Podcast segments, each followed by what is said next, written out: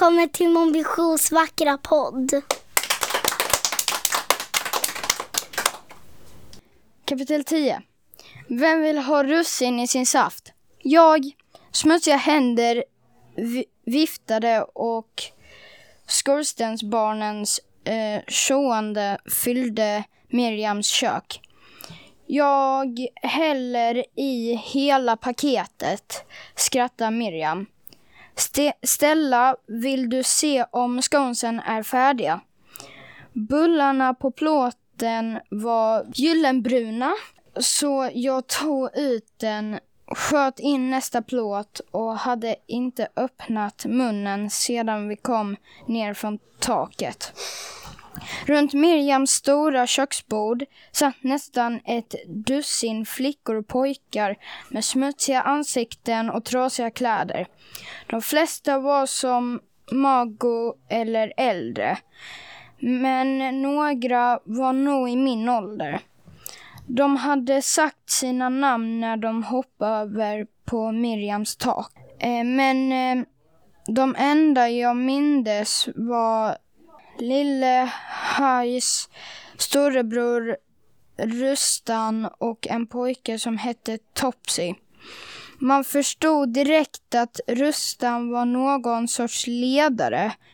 Han pratade inte mycket, men när han sa någonting lyssnade alla.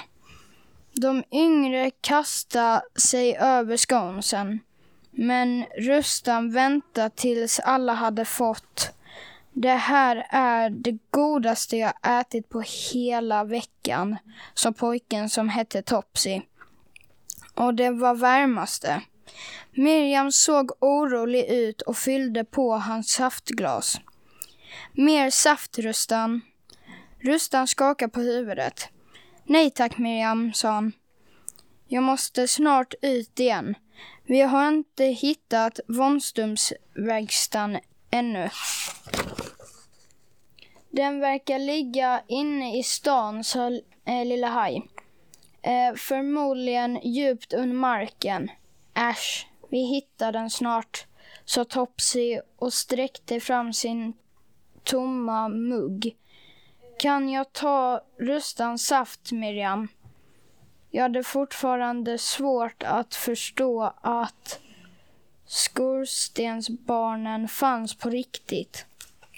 Medan vi gjorde sconesen hade Miriam berättat att det inte var många som kände till skorstensbarnen och att det var så de ville ha det. De hade själva valt att leva på taken och de bad ingen människa om hjälp.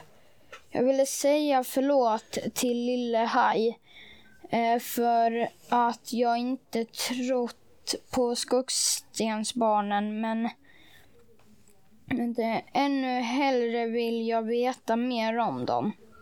De verkade glada fast de var så trasiga eh, och smutsiga. Mycket gladare än barnen på barnhemmet. Tänk om jag också kunde bli ett skorstensbarn. Nej, jag skulle aldrig våga hoppa på tak. Så det här är pojken som vi har väntat på, sa Rustan och nickade mot Isa som satt i Magos knä. Han som ska hjälpa Nikolas att minnas.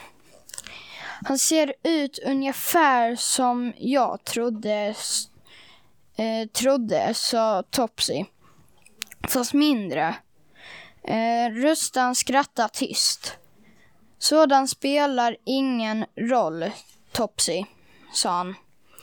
Det viktiga är att han eh, kom när vi behövde honom som bäst, eller hur?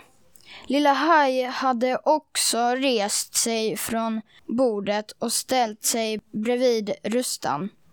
Jag kände ingen Isa med detsamma, sa han.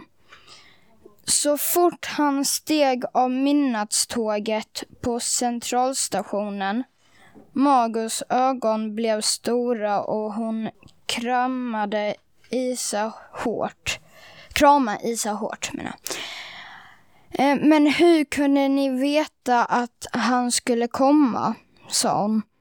Inte ens Isa visste ju att han skulle till Stockholm förrän samma kväll vi åkte. Och det har vi vetat länge, sa Rustan och drog ner lille Hajs mössa ordentligt över hennes öron. Isa visste nog också, eller hur Isa? Isa pil pillade med en knapp på Magos jacka, men jag kunde se att han log för sig själv. Så såg han upp på Rustan och nicka.